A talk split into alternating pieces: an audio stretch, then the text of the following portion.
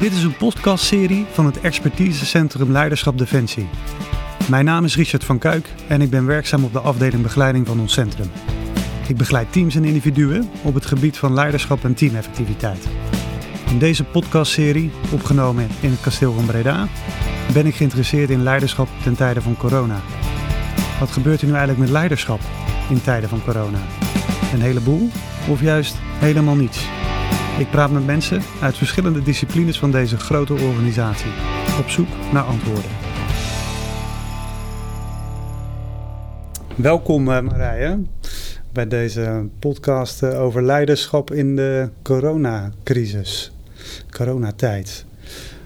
Kan jij eens vertellen wie je bent? Ja, natuurlijk. Ik ben Marije Parlevliet. Ik uh, ben overste bij de Landmacht ben uh, dokter. Ik heb in uh, Brussel gestudeerd. En ik ben uh, na mijn studie, of eigenlijk tijdens mijn studie, was ik op zoek naar wat ga ik hierna doen. Eén ding was me wel ze zeker. Ik wilde niet in België blijven. Dat paste gewoon niet goed. Als Nederlander bleef je toch een beetje de buitenlander in, in België. Dus ik ging op zoek naar een functie in Nederland. Maar om als arts aan de slag te gaan heb je toch wel een netwerk nodig. En ik zag een advertentie in de krant staan. Uh, wil je bij de landmacht komen werken? En ik dacht, nou, dat zou een mooie opstap zijn uh, voor mijn carrière. En dan heb ik, uh, ja, raak ik wat bekend binnen Nederland in de artsengemeenschap. En dan kan ik misschien verder groeien. Nou, dat was in 2004. Inmiddels zijn we nou 16, 17 jaar verder. Mm. En um, ben ik er nog steeds. dus nog, dat weg, ja. weggaan bij de landmacht, dat is er niet van gekomen.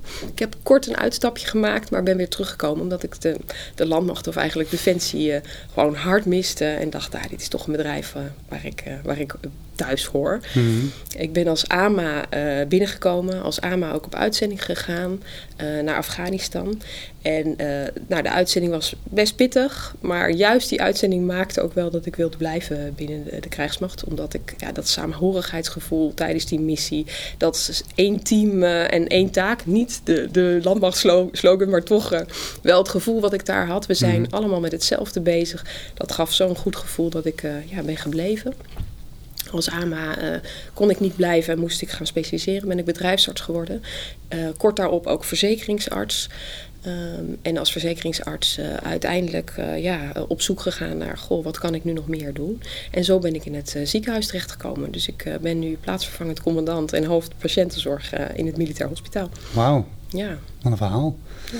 Hele, en wat, is, wat is voor jou zeg maar ook van, van persoonlijke waarde dat je bij deze organisatie bent gebleven? Want omdat je daar zo'n sterke band mee voelt, zeg maar, wat is dat dan in jezelf? Ja, nou ik, ik, ik dacht, ik doe dit even. Hè. Ja, ben ik nou echt een militair? Hè? Nou ja, goed, uh, ik ben natuurlijk maar een dokter hè, als militair. Past dat wel? Maar tijdens die missie kwam ik erachter van... hé, hey, je bent wel echt een van een, een heel groot team. Je bent een radertje dat, ja, waar ze eigenlijk ook niet zonder kunnen. Je bent echt relevant, zeker tijdens zo'n missie.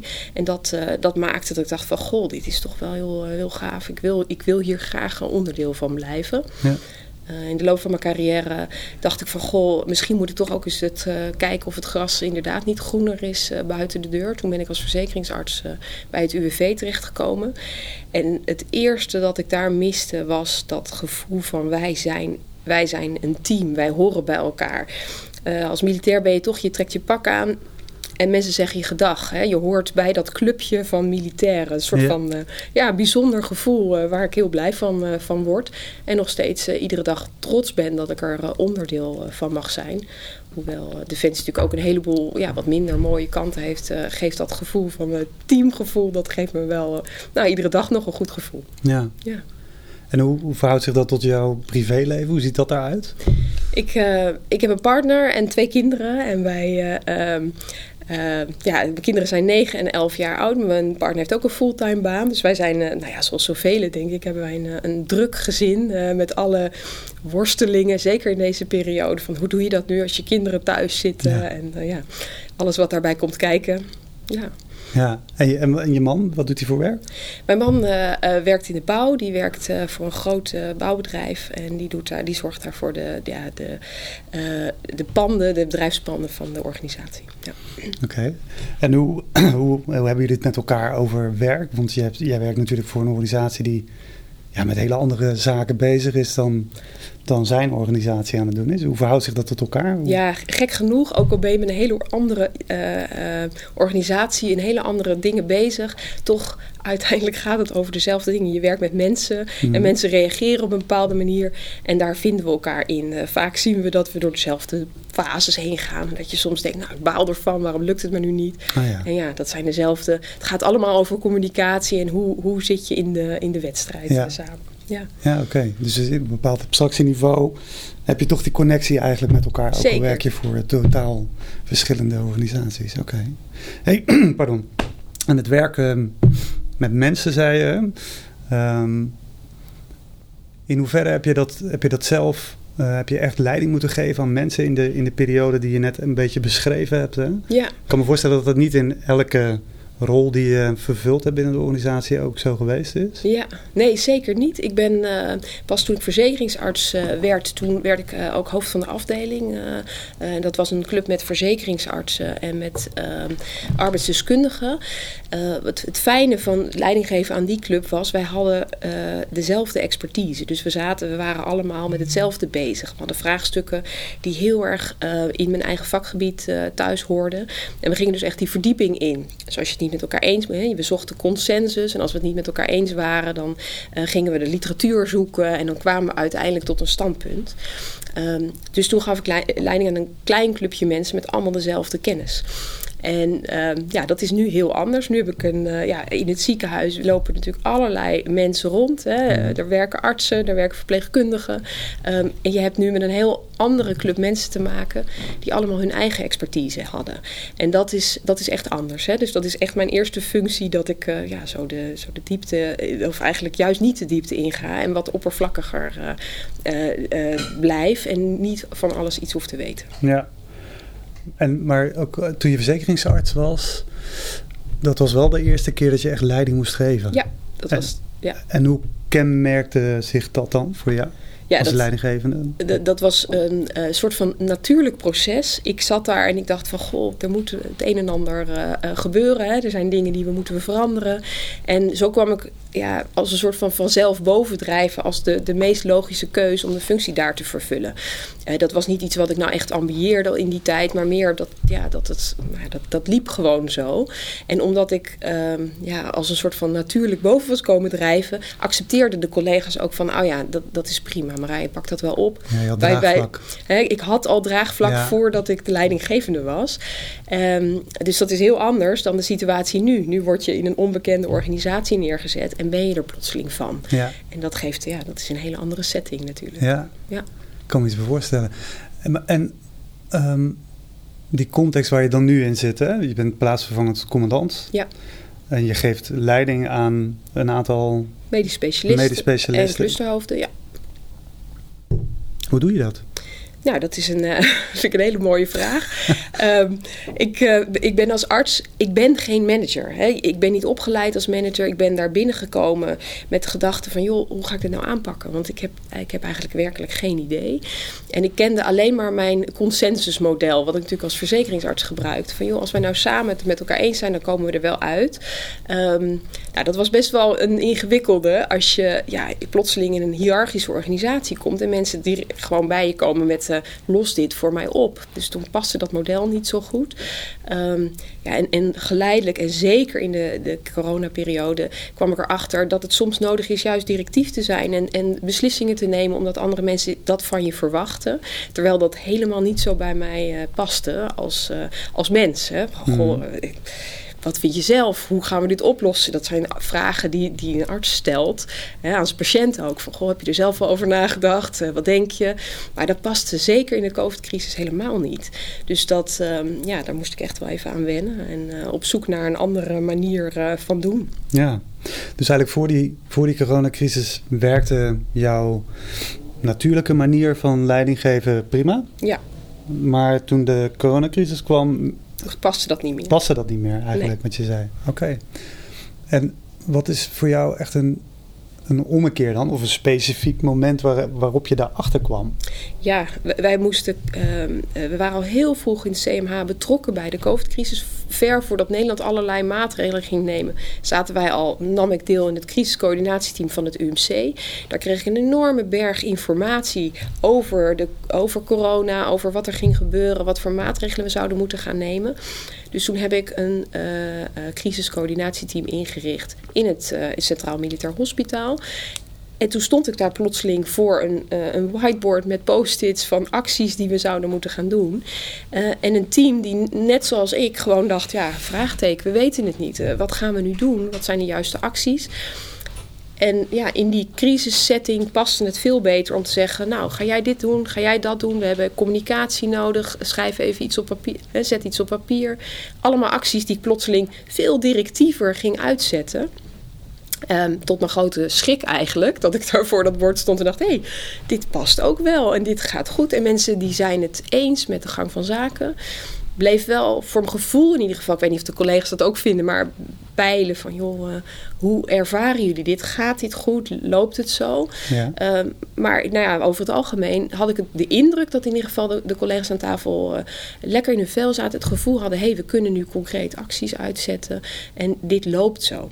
En dat, uh, ja, dat Ja. ging best goed. Dus eigenlijk dat, dat opzetten van het crisiscentrum heeft dat veroorzaakt. Ja, Door al die posters die er ineens kwamen met actiepunten.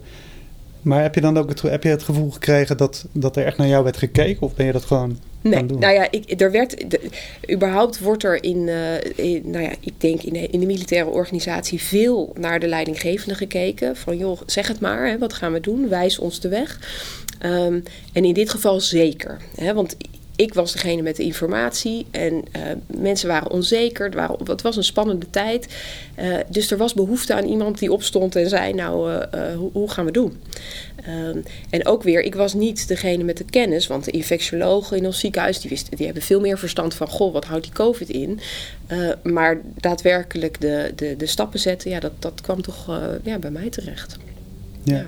En dat, je, hebt het, je had het ook over dat peilen. Hè? Mm -hmm. Heb je dat heel bewust gedaan? Dat je bent gaan peilen van, joh, werkt dit wat ik doe? Of ja. niet? Ja, omdat ik zelf dacht van, ik, het voelt ongemakkelijk. Hè? Nu sta ik hier opeens als een soort van... Hè, ik voelde me Doe alsof ik voor een whiteboard stond en zei... we gaan de oorlog, we gaan die kant op. Ehm, en dat ik het gevoel had van, joh, matcht dit wel met de gevoelens hier aan tafel? Hè? Eh, stoot niemand tegen de borst? Is dit oké? Ehm, ja, en dat... Nou ja, non-verbaal en verbaal kreeg ik wel reacties van... goh, dit, is, dit voelt prettig, Ja. dit gaat goed.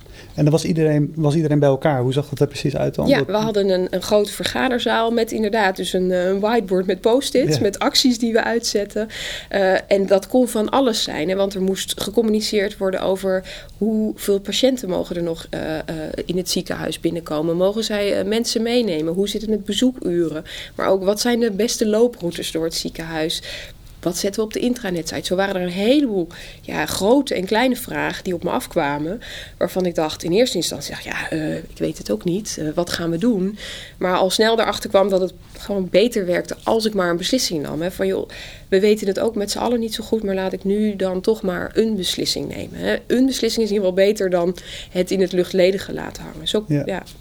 En dat in de loop der tijd uh, groeide dat. Ik voelde ook dat, het, nou, dat ik zelf daarin groeide, dat die rol goed bij me paste.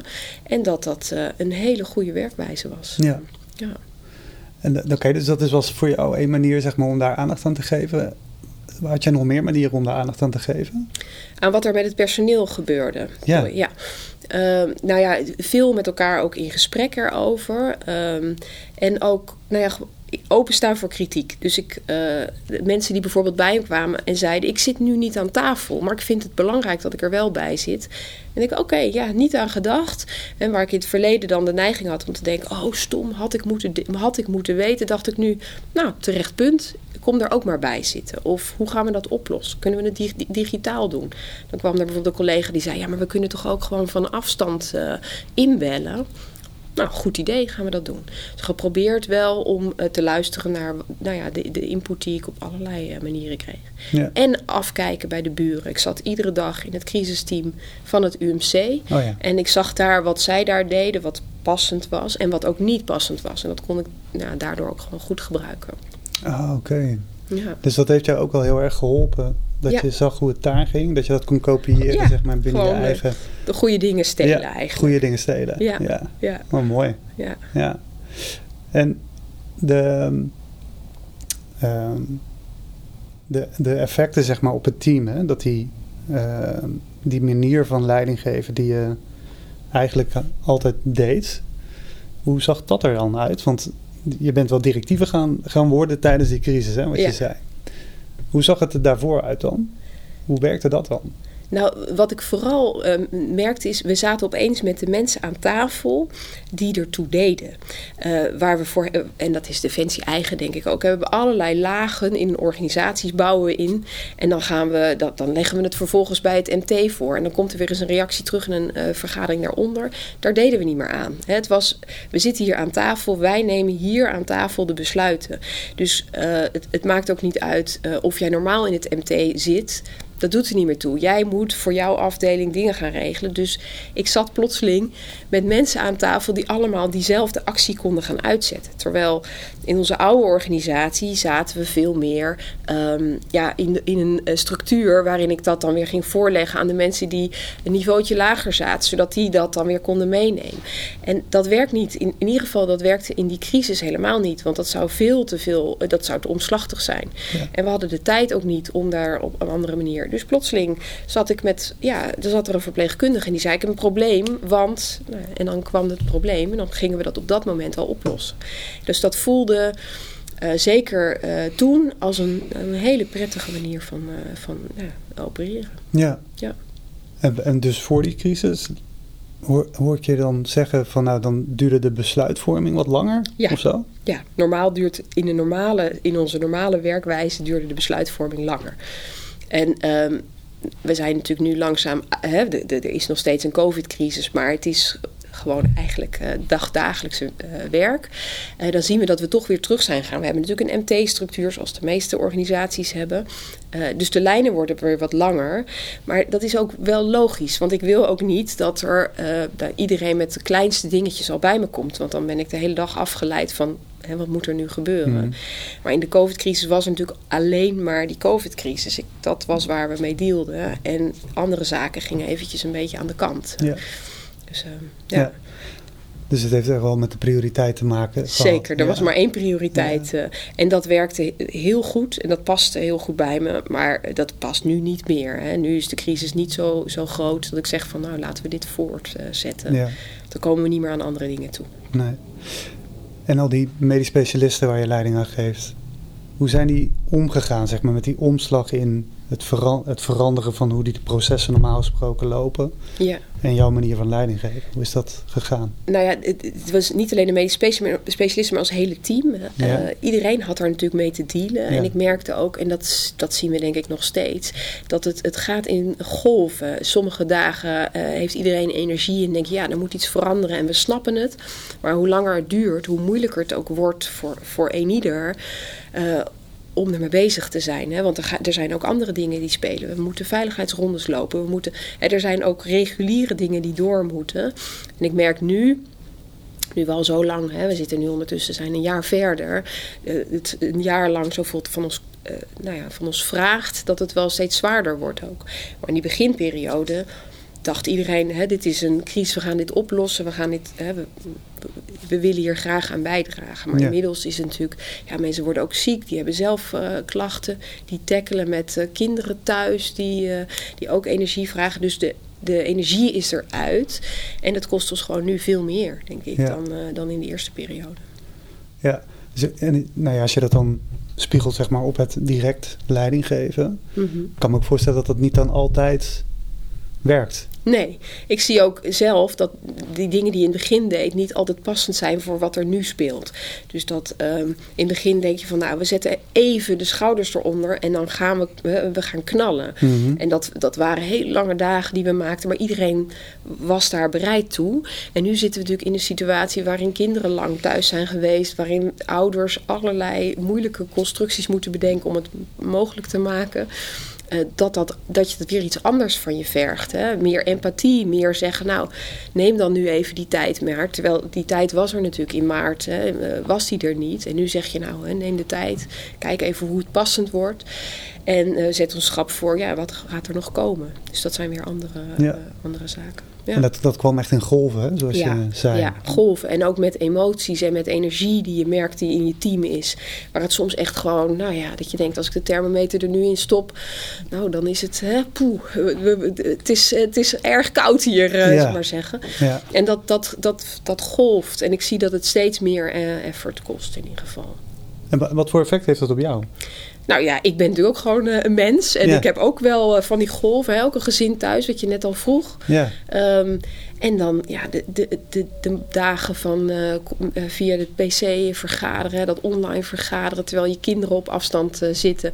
Nou, dat herkent denk ik iedere ouder wel. Dat begint zijn tol te eisen. En dan denk je soms wel van... Pff, hoeveel keer kan ik nog tegen mijn kinderen zeggen: nu even stil. Hè? Uh, ik ben even aan het vergaderen. Ja, dat, dat, uh, nou, dat, dat, past ook niet helemaal, denk ik. Dus ook dat vergt weer wat anders van je. Dat je zegt: Nou, het is oké, laat dat kind maar langs dat scherm lopen. Het is goed. En dat je dat ook tegen je collega's weer zegt: Het is goed, het maakt niet uit. Uh, we hebben er begrip voor. Ja. ja. ja. En die golven, zijn dat die golven die ook echt te maken hebben met hoe deze, nou, hoe die lockdowns zijn ingezet ten aanzien van de maatregelen die allemaal ja, van kracht werden en mhm. daarna ook weer ja. wat minder werden. Ja, en natuurlijk het, het gevoel van, en dat herkennen jullie, denk, denk, herkent denk iedereen ook wel, het, het, wanneer houdt het op? Hè? Het uitzichtloze gevoel, wanneer zijn de vaccinaties hier nu eindelijk? En dan kunnen we misschien weer verder. Dus en, en ook. Um, ja, met gewoon de dagdagelijkse dingen die toch ook weer door moeten, waar je dan ook de energie voor weer moet krijgen. Dus dat, uh, ja, dat, dat wisselt. En ik, zie ook in ons eigen team dat het uh, uh, nou, sterk wisselt. hoe we erin staan, of het allemaal lukt, of er nog meer gevraagd kan worden. Want COVID is er nog steeds en vraagt iedere dag ook nog aandacht van ons. Terwijl die reguliere bedrijfsvoering er ook nog is. Dus je blijft eigenlijk permanent wel meer van je personeel vragen dan in het verleden. Ja, eigenlijk al structureel sinds die crisis er is. Sinds dat de crisis Of die golf er nou is of niet. Ja. Dat wij, is structureel aanwezig. Wij zijn, en er, ja. Uh, ja, het beleid wordt constant, hè, protocollen worden aangepast met nieuwe ideeën. Dus er moet er opnieuw iets gewijzigd worden in het protocol. En ja, dat moet ook weer in ons ziekenhuis worden aangepast. Dus uh, ja, dat, ja. Uh, dat vergt wat. Ja. En, en hoe, want je doet het dan allemaal, maar hoe heb je daar nou ja, op teruggekeken? Zijn er momenten voor jou geweest dat je met je hand in het haar hebt gezeten of dat je uh, met iemand is bent gaan sparren hierover? Van hoe, hoe ja. je het doet? Ja, nou, sowieso, hè, dat ga, ook bij mij gaat dat met golven. Ik, ik praat veel met mijn directe, hè, met, uh, nou, de chef-staf, mijn collega waar ik mijn kantoor zit. Van doen we wel de goede dingen? Moeten we niet op die letten? We proberen elkaar er ook op te wijzen. Van goh, eh, let op, die persoon uh, die lijkt het nu wat zwaarder te hebben. Dus op die manier uh, proberen we elkaar te, te, monitoren. En natuurlijk, ik praat met mijn partner over: neem ik nu wel de juiste beslissingen? Past dit wel? Is dit een goede manier van doen?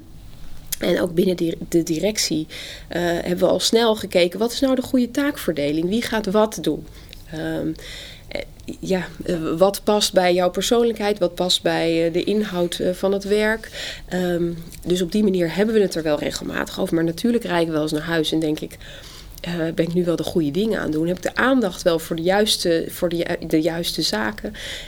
ik denk dat iedere leidinggevende daar wel mee worstelt. En ik zeker ook. Hè? Mm -hmm. Dus dat, uh, ja, en, en er zijn momenten geweest dat je, nou ja, zeker in de piek van de eerste golf, nou, dat ik 100 50, 200 mailtjes aan informatie op me af zag komen over COVID, over protocolwijzigingen, over naast gewoon reguliere zaken. Dus ja, dat dat, het gevoel van hoeveel uur kan ik, hè, hoeveel uur heb ik in een dag om dit allemaal te verwerken? Wat doe ik hiermee? Wat is relevant voor het personeel om te weten en wat laat ik maar even schieten?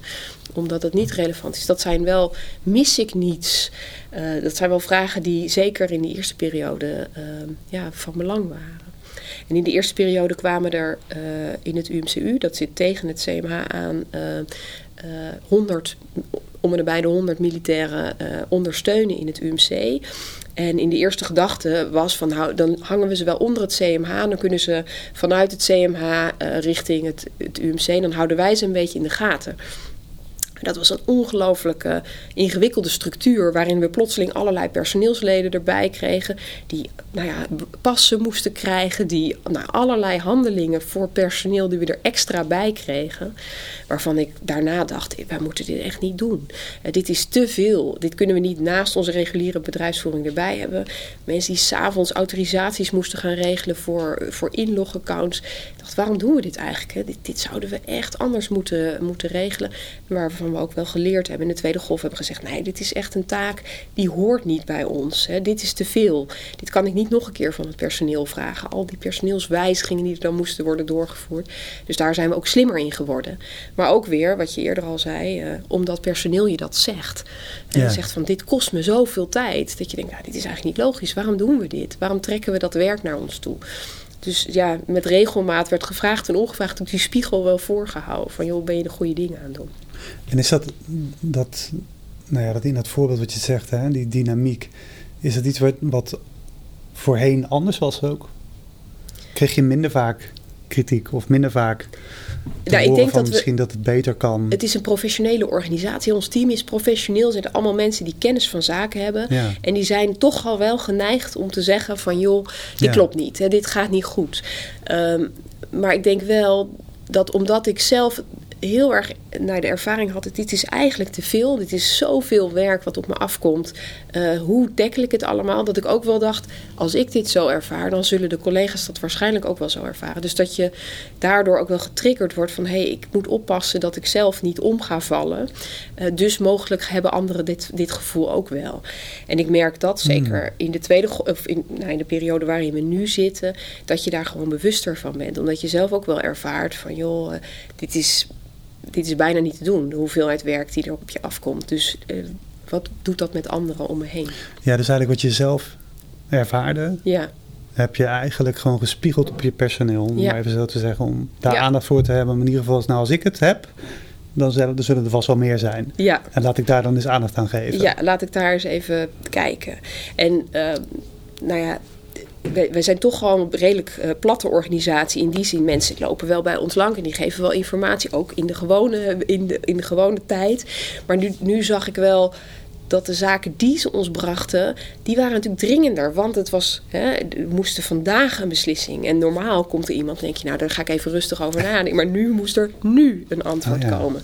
Dus daar zat altijd wat, wat uh, nou ja, meer haast bij. En mensen, ja, ook, ook die onzekerheid waar we allemaal in leefden. Niet zo goed weten wat we konden verwachten. Of al ons personeel zou gaan ziek worden. Dus dat waren allemaal wel nou ja, risico's waar we, waar we rekening mee moesten houden. Ja. En uh, ja, en ik, ik vond persoonlijk, uh, maar misschien ben ik wel een crisismanager van, hè, misschien past dat me juist wel goed, het heerlijk om zo te werken. Ja. Omdat je de hele tijd met elkaar aan het, uh, in gesprek was. Je zag elkaar dagelijks.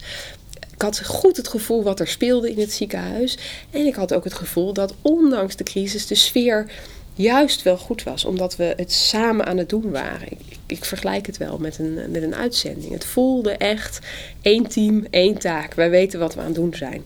En nu we weer gewoon regulier uh, bedrijfsvoering uh, hebben, ja, mis ik ook wel een beetje dat, dat iedere dag overleggen en met elkaar uh, peilen. Ja. ja. Want dat is echt wel een stuk minder geworden nu. Ja, nu, uh, uh, we hebben wel, ik heb de overlegstructuur wel veranderd, omdat ik dacht, ik zit niet uh, met de juiste mensen aan tafel. Ik had overleg met al mijn clusterhoofden, hè, dus ik heb een clusterkliniek, een clusterpolykliniek, er zijn clusterhoofden bedrijfsvoering, clusterhoofd, maar die zag ik niet, want die zit niet, die veel hiërarchisch niet onder mij, dus die sprak ik eigenlijk niet regelmatig, ja in de loop of als hij iets mij kwam vertellen, maar niet op een reguliere basis. En ik dacht, nou, dat, dat zijn toch dingen die wil ik anders inrichten. Dus naar aanleiding van die crisis hebben we wel, heb ik wel veranderingen uh, uh, doorgevoerd. Ehm, ja, en ik zeg ik, maar dat is natuurlijk mijn team die dit heeft, ja, waarin we samen tot deze oplossing zijn gekomen.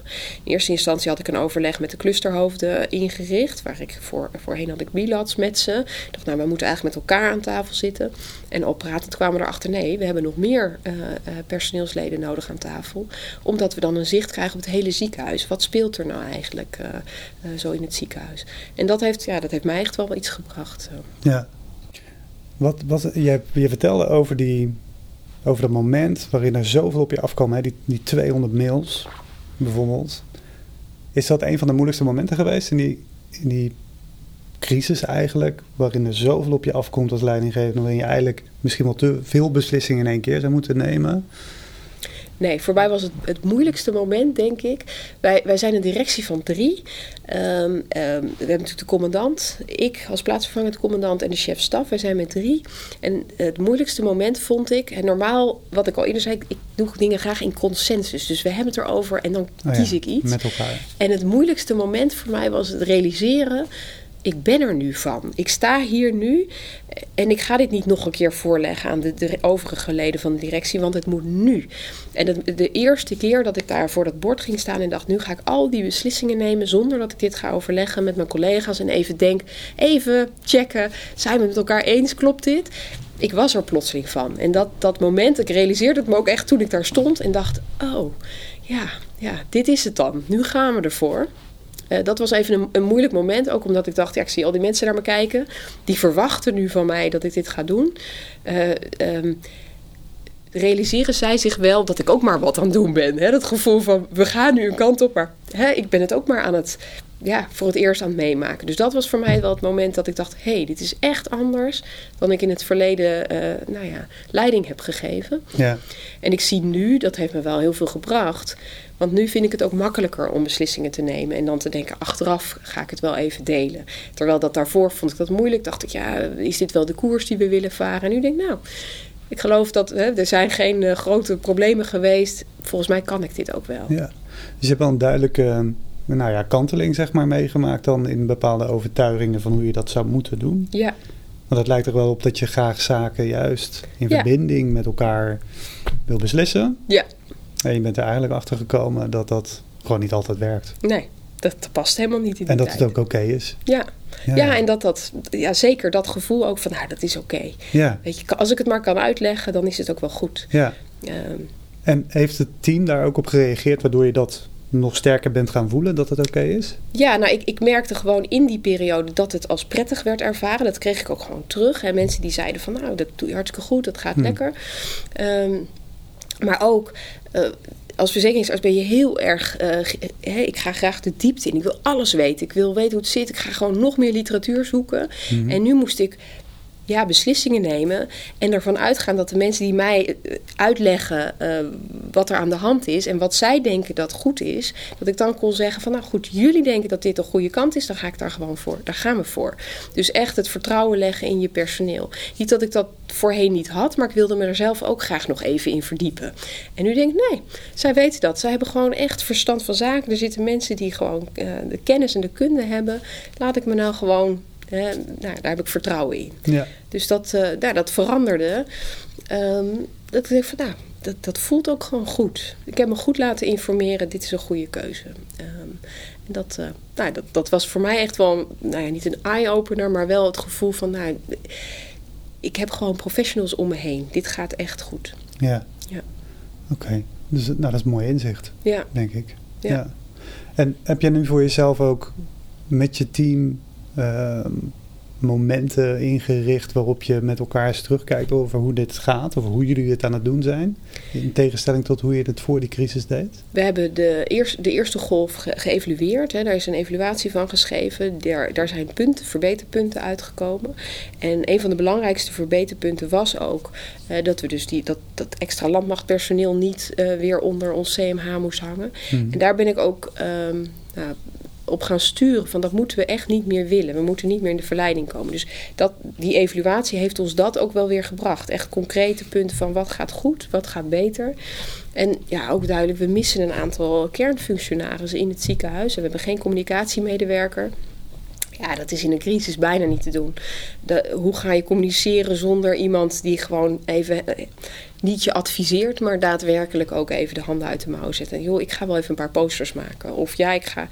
Dus dat, dat zijn wel punten die nu ook in de evaluatie van onze reorganisatie weer naar boven komen. Ja, je, dit is gewoon een punt daaruit. Hè, van joh, je kan eigenlijk niet zonder bepaalde functionarissen in een ziekenhuis. Ja. ja. Dus dat, dat inzicht is er ook gekomen door die evaluatie, door die waar evaluatie. nu ook echt een actie op gekomen is. Ja, ja. ja.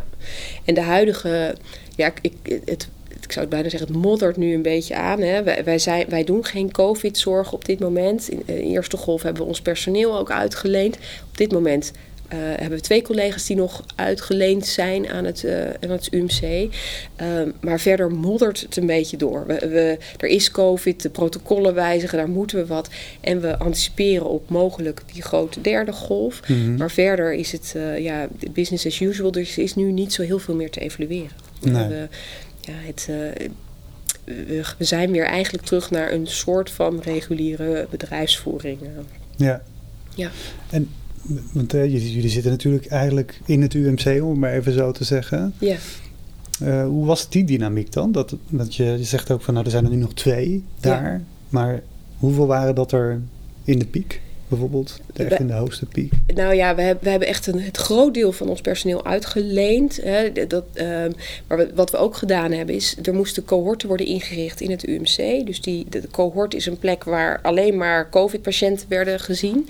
Uh, maar dat betekende dat zij gewoon afdelingen moesten sluiten voor hun reguliere zorg. Dus wat we ook gedaan hebben, is een van onze afdelingen um, te leen gegeven aan het UMC. Dus er kwamen er burgerpatiënten bij ons in het ziekenhuis liggen zodat zij weer de ruimte hadden om dat te doen.